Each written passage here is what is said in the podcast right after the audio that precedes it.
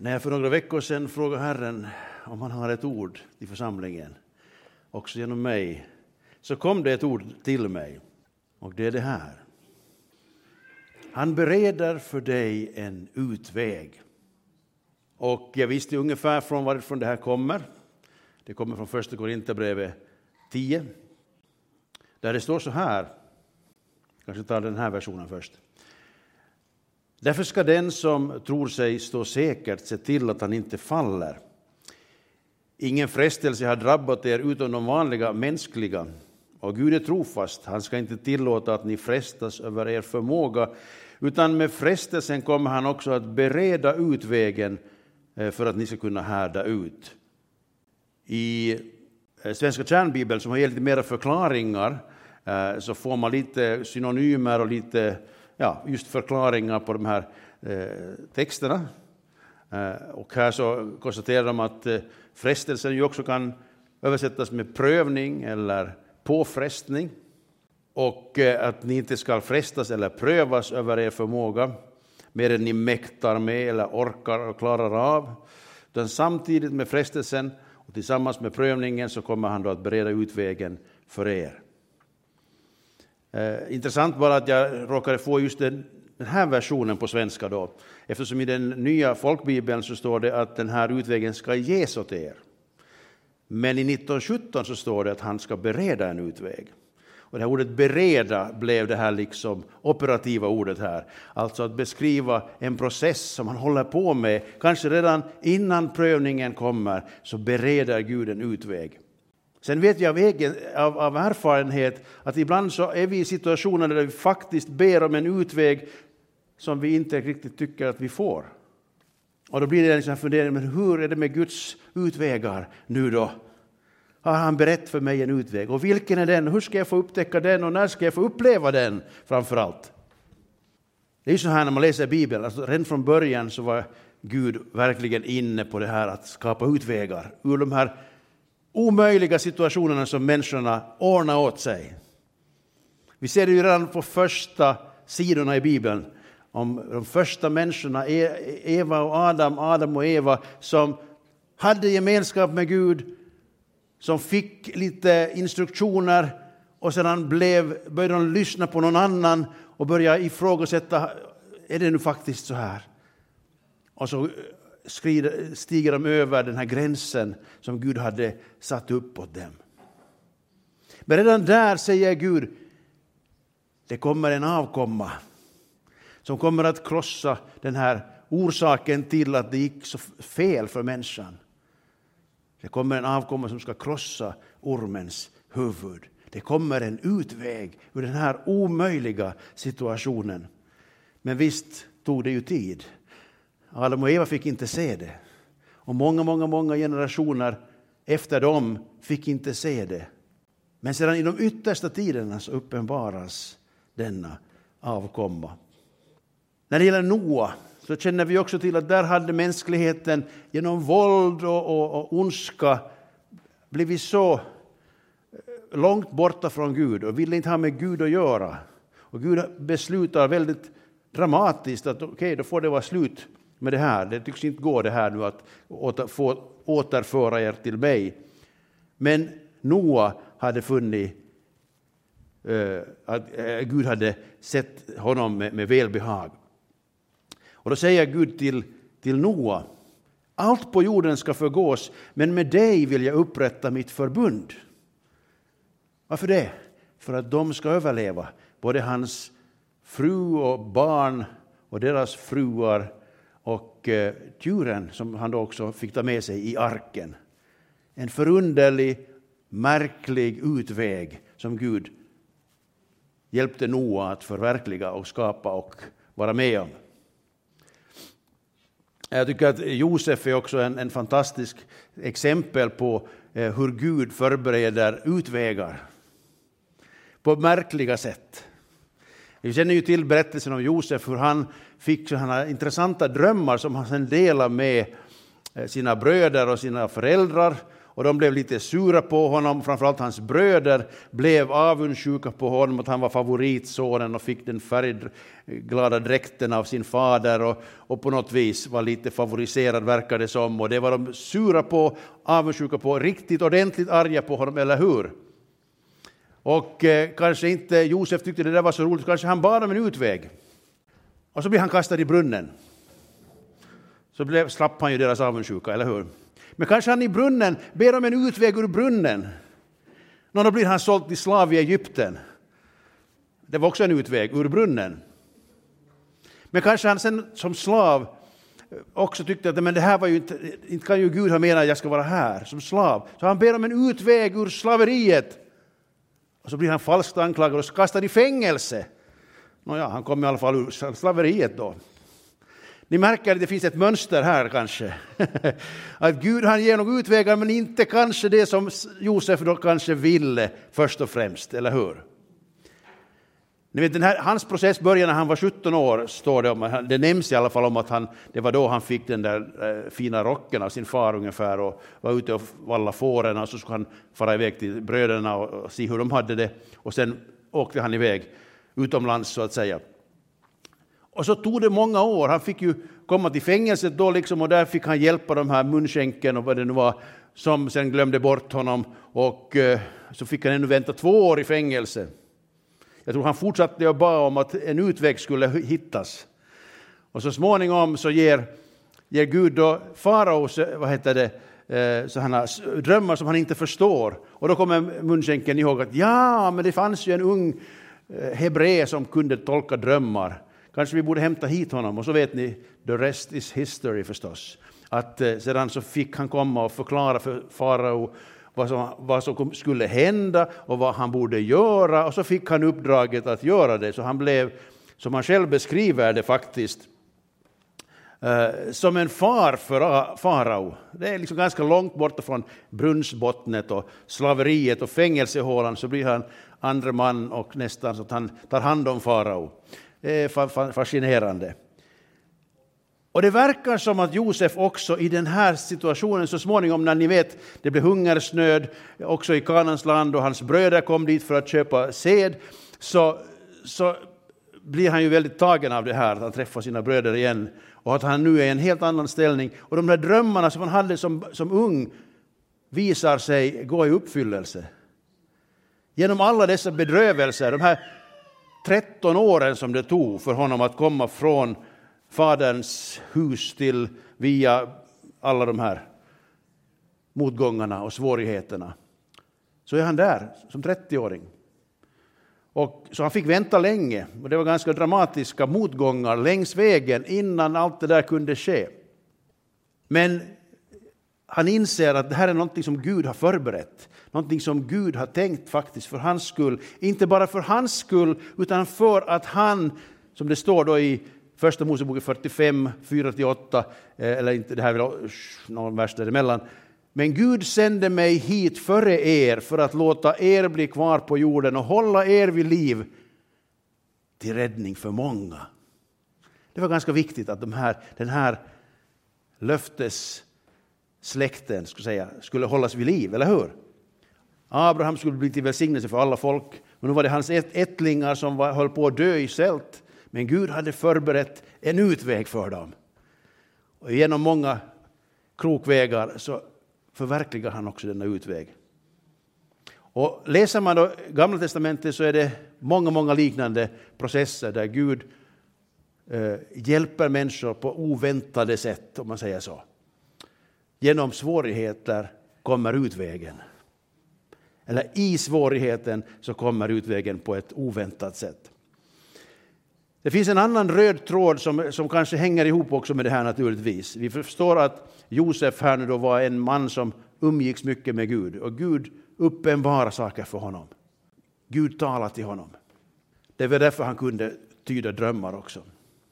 Och det här kom ju redan till Abraham som var hans förfader. Det står att Herrens ord kom till Abraham i en syn. Och det här återkommer gång på gång på gång. Vi hoppar vidare till Mose, 400 år efter Josef, så mötte Herren med Mose och talade med Mose. Herrens ord kom till Mose och det här fick han uppdraget att ge vidare till folket. Och det står så här då i Andra Moseboken 24, 3-4. När Mose kom och förkunnade för folket alla Herrens ord och föreskrifter svarade allt folket med en mun. Allt som Herren har sagt vill vi göra. Och Mose skrev ner alla Herrens ord. Det här förändrade folket från att vara en, en, en, en, en skock med människor som flydde till en stat med ordning och reda, med värderingar som man delade, med, med, med lagar som, som bestämde hur man skulle leva tillsammans. Och på det här sättet så blev man någonting annat än en, en, liksom en, en vild hop. Man blev en nation. Och här uppenbarar Gud också vad som är rätt och fel, vad som är gott och vad som är ont, vad vi ska hålla oss till och vad vi ska hålla oss ifrån. Och så, så fortsätter ju det här gång på gång, samma uttryck faktiskt. Herrens ord kom till Samuel, Herrens ord kom till profeten Natan, Herrens ord kom till David, Herrens ord kom till Salomo och Herrens ord kom till alla profeterna. Jag behöver inte citera de ställena, men ni ser här en lång lista på alla de här stora och små profeterna. Herrens ord kom till dem som de gick, gav vidare, som fick, gav dem instruktioner om hur de skulle leva, men de fick också ett budskap till folket. Och det var det som ofta helt enkelt förändrade situationen, som gav en utväg åt folket i en svår situation. Vi vet att Israels folk genom århundradena de hamnade i strid med folk, andra folk. De hamnade i fångenskap i Babylonien. Och det var ändå hela tiden Herrens ord som på något vis styrde att till exempel Nehemja, eller Daniel först läste skriften och upptäckte att Herren har talat så här. Då kom Nehemja och Esra och sa men Herren har ju lovat att vi ska få komma tillbaka efter 70 år och nu ska vi vara där och bygga upp igen. Och, och det när Herrens ord kommer till människorna som det, det uppdagas vad Herren har planerat. Okay? Den här utvägen som vi ber om och som vi behöver kommer genom att Herren talar till oss. Så har det varit genom hela historien. Och eh, därför vill jag läsa från Johannes 1. Jag tycker det är en fantastisk beskrivning på hela, hela jord, universums och jordens och mänsklighetens historia. Johannes 1, de första verserna där. I begynnelsen var ordet, och ordet var hos Gud, och ordet var Gud. Han var i begynnelsen hos Gud. Allt blev till genom honom och utan honom blev ingenting till av det som är till. I honom var liv och livet var människornas ljus och ljuset lyser i mörkret och mörkret har inte övervunnit det. Det sanna ljuset som ger ljus åt alla människor skulle nu komma in i världen. Han var i världen och världen hade blivit till genom honom men världen kände honom inte. Han kom till det som var hans eget och hans egna tog inte emot honom. Men åt alla dem som tog emot honom gav han rätten att bli Guds barn åt dem som tror på hans namn. De är inte födda av blod eller av köttets vilja eller av någon mans vilja, utan av Gud. Och ordet blev kött och bodde bland oss, och vi såg hans härlighet, den härlighet som den enfödde har från Fadern, och han var full av nåd och sanning. Herrens ord, ordet, var hos Gud och var Gud. Var med i skapelsen, har varit med genom historien. Herrens ord har kommit till människor som har sökt efter Guds närvaro och Guds vilja. Och som har sökt en utväg som är större och bättre än den som man själv kan hitta på eller klarar av att fixa. Jag tycker det är, en fantastisk beskrivning på vad som hände att det här ordet som skapade allt blev kött och bodde bland oss. Ordet blev kött. Jesus, Gud, blev människa.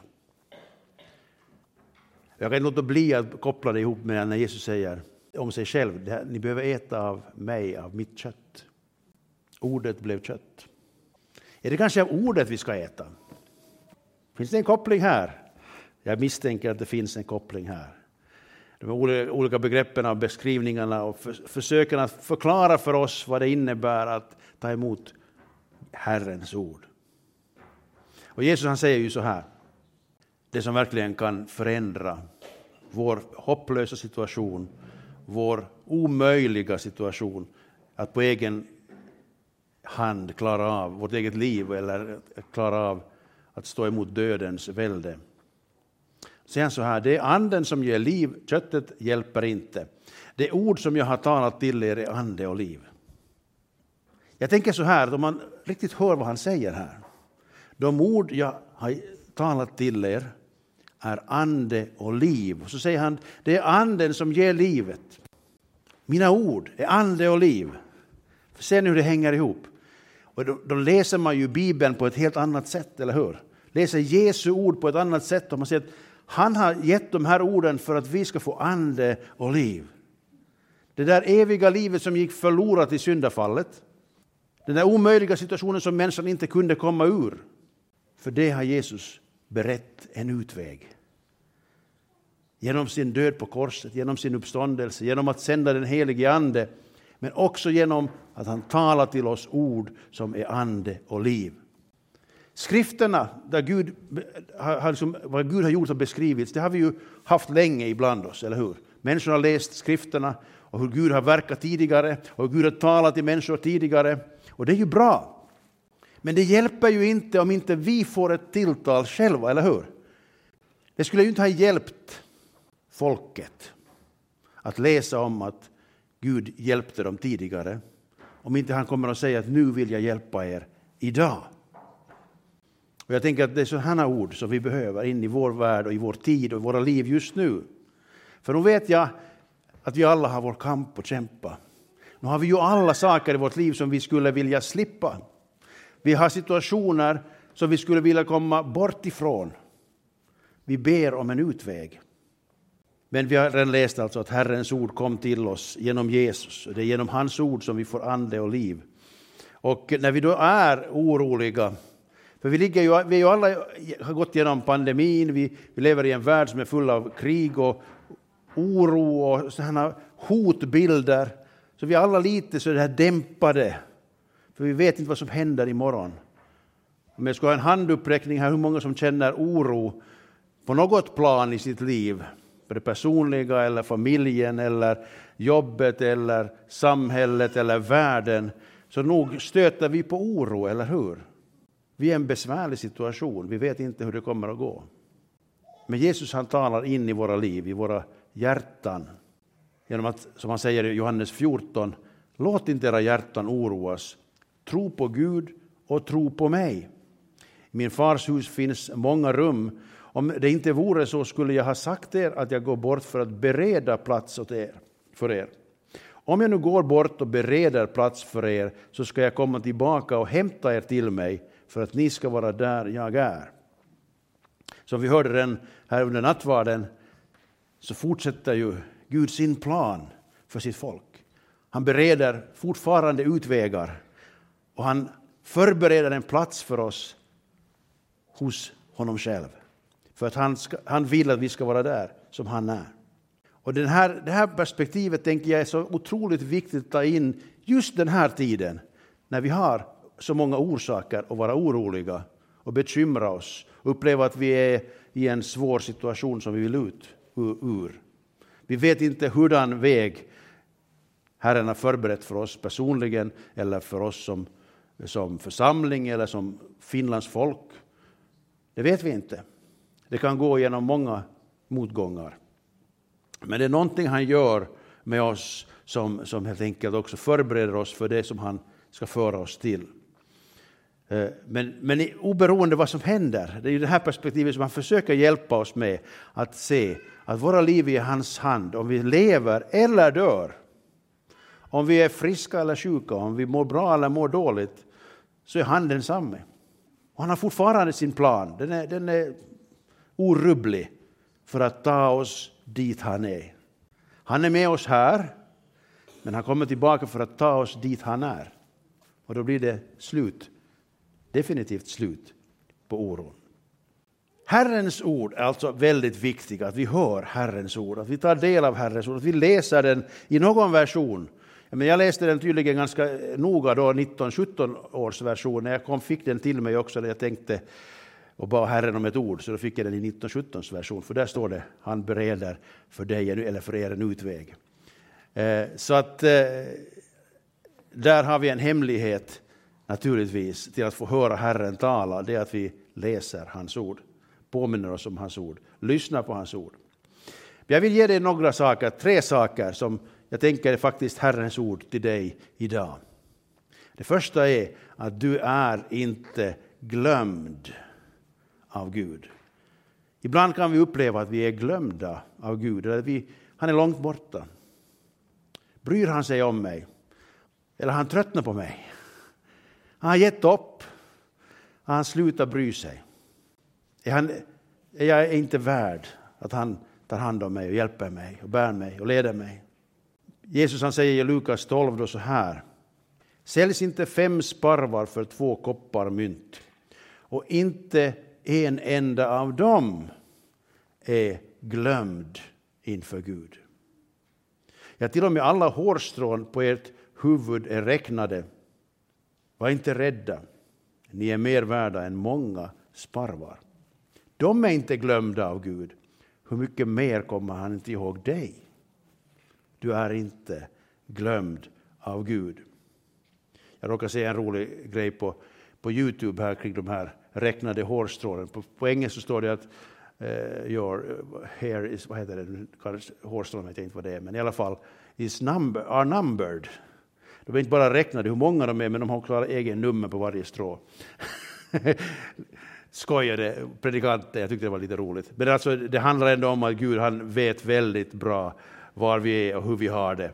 Och han bryr sig om oss, för vi är mera värda än många sparvar. Det var för oss han, Jesus dog, inte för sparvarna, eller hur?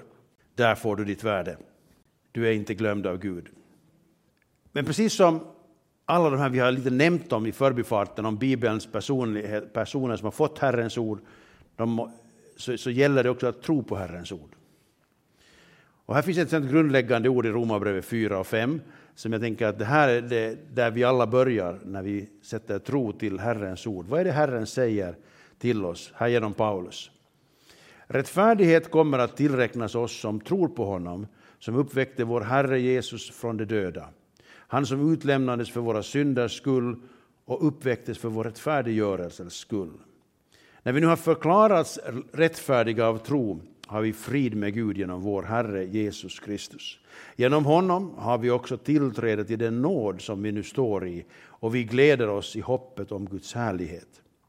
Men inte bara det, vi gläder oss också mitt i våra lidanden för vi vet att lidandet ger tålamod, tålamodet fasthet och fastheten hopp. Och hoppet sviker oss inte för Guds kärlek är utgjuten i våra hjärtan genom den helige Ande som han har gett oss. Tro på honom som uppväckte Jesus från de döda. Rättfärdighet genom vår Herre Jesus Kristus som ger oss tillträde till nåden. Och vi får ett, genom allt det här vi upplever också uppleva att det händer någonting med oss som leder till ett hopp som inte sviker oss därför att den helige Ande bor i oss. Det här är enorma perspektiv på ett liv, eller hur? Hur annorlunda är inte här än vad världen erbjuder oss? Här ger oss Gud en definition på hur, hurdana vi är när vi tror på Jesus, när vi tror på Herrens ord, när vi tror på att vi är rättfärdiggjorda, att vi är Guds barn, att vi är vid nådens tron och vi har en framtid som ger oss hopp oberoende var vi är just nu. Därför att den helige Ande bor i oss och är med oss. Det här behöver vi tro på, sätta vår tro till och inte lyssna på ormen, inte lyssna på vårt eget förvirrade resonemang alla gånger, utan lyssna till Herrens ord och håll fast vid det. Tredje och sista tanken. Jag tänker att det här är det avgörande för oss. Att vi personligen får höra Herren tala till oss. Genom, ibland predikan, ibland genom en sång, ibland genom ett bibelord vi läser. Eller som en inre maning eller röst genom den heliga Ande i våra tankar men det är att någonting blir personligt tilltal från Herren, det kommer att förändra ditt och mitt liv, eller hur? Men vi går till Uppenbarelseboken 3. Men Uppenbarelseboken 3, och det är en text som, som, han, som riktas till församlingen i Laodicea. Och när vi hör tal om församlingen i Laodicea så tänker vi ja, det var de där ljumma, det var de där som nog inte riktigt Gud tyckte om. Kanske. För han säger så skarpa ordalag åt dem. Eller hur? Men lyssna vad han säger. Alla som jag älskar tillrättavisar och tuktar jag. Till och med i den situationen, när vi upplever att Gud talar skarpt till mig, han tuktar mig, så beror det på att han älskar mig. Han älskade församlingen i Laodicea. Kom ihåg det. Han älskar församlingen i Laodicea. Och så säger han, visa därför iver och vänd om. Så jag står vid dörren och knackar. Om någon hör min röst, om någon hör mitt ord och öppnar dörren ska jag gå in till honom och hålla måltid med honom och han med mig. Den som segrar ska jag låta sitta hos mig på min tron, liksom jag själv har segrat och sitter hos min far på hans tron. Du som har öron, hör vad Anden säger till församlingarna. Hör Herrens ord. Jag tycker det är så fantastiskt att ha de här löftena från Jesus till den här ljumma församlingen i Laodicea. De får ett, ett större löfte kanske än många andra där. Jag har inte i och för sig värderat de där olika löftena. Men tänk nu, för det första, när man öppnar dörren så kommer han in och håller måltid med oss.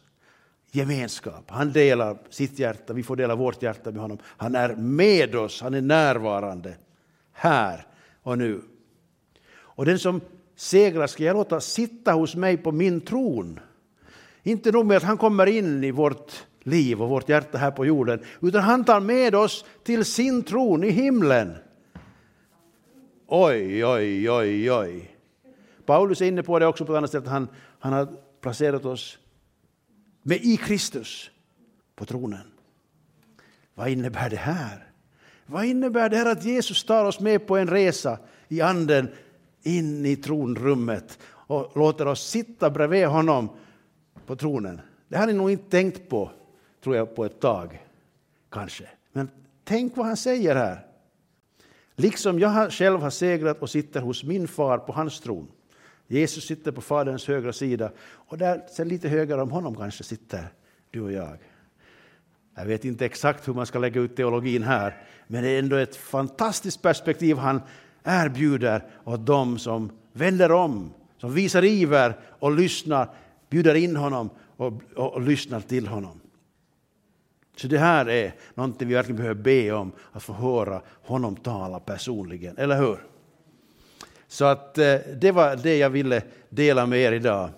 Du är inte glömd av Gud, du behöver sätta tro till Herrens ord och så behöver du be om att få det här personliga Herrens ordet också, utöver allt det här allmänna som vi kan läsa i Bibeln, som vi kan lyssna och ta del av på alla möjliga vis. Men när Anden får göra någonting levande, när Anden får säga till mig och till dig vad Herren just vill dela med oss, med sig till oss idag, då får vi hoppet förstärkt. Då får vi tro på att det finns en utväg, att Herren har berett någonting för mig som hjälper mig både igenom att härda ut så länge jag ännu är i brunnen eller i slaveriet eller i fängelset som Josef, bara för att ta de här bilderna här. Det kanske inte kommer genast, det kanske inte kommer på det sättet som vi bad om, för Gud har större planer också med våra liv tycker det är så fantastiskt när Josef inser det här, att det var inte bara för att han skulle komma ut ur sina svårigheter, utan det var för att människor skulle bli räddade. Och jag tänker att det finns någonting parallellt för oss alla, att kanske vi också är med om det vi är med om för att människor ska bli räddade genom våra liv. Låt den tanken landa. För du är inte glömd av Gud. Han har ett ord till dig. Ska vi tacka Herren? Tack Jesus Kristus för att du är ordet som kom till oss och som kommer till oss och som är hos oss idag. Tack Jesus för att du alltid har ett ord till oss, också idag Herre, personligen. Jag tackar dig helige Ande för att du vill göra levande för oss bibeltexter som vi har läst någon gång, som vi har hört någon gång, så att vi förstår att nu är det det, här som gäller mig.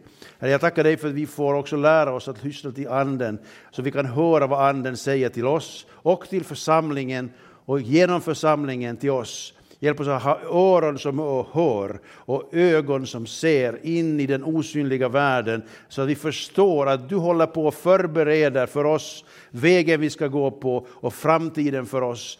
Herre, som vi inte har någon aning om själva, men du vet vad som kommer att hända. Herre, hjälp oss att hålla oss till dig. Hjälp oss att vara trogna dig, Herre, i alla omständigheter, hur vi än har det och var vi än är. Tack för att vi får be om utvägar och jag tackar dig för att du ger dem, Herre, enligt din vilja på det sätt som du vet är bäst. Inte bara för oss utan också för andra. Herre, så jag tackar dig för att du inte har glömt oss, inte någon av oss och du vet om våra liv just precis nu och vilket ord vi behöver, både för uppmuntran och för vägledning. Och nu ber jag att din heliga Ande ska tala till var och en som är här idag och som har lyssnat till det här ordet. Be om i Jesu namn. Amen. Amen.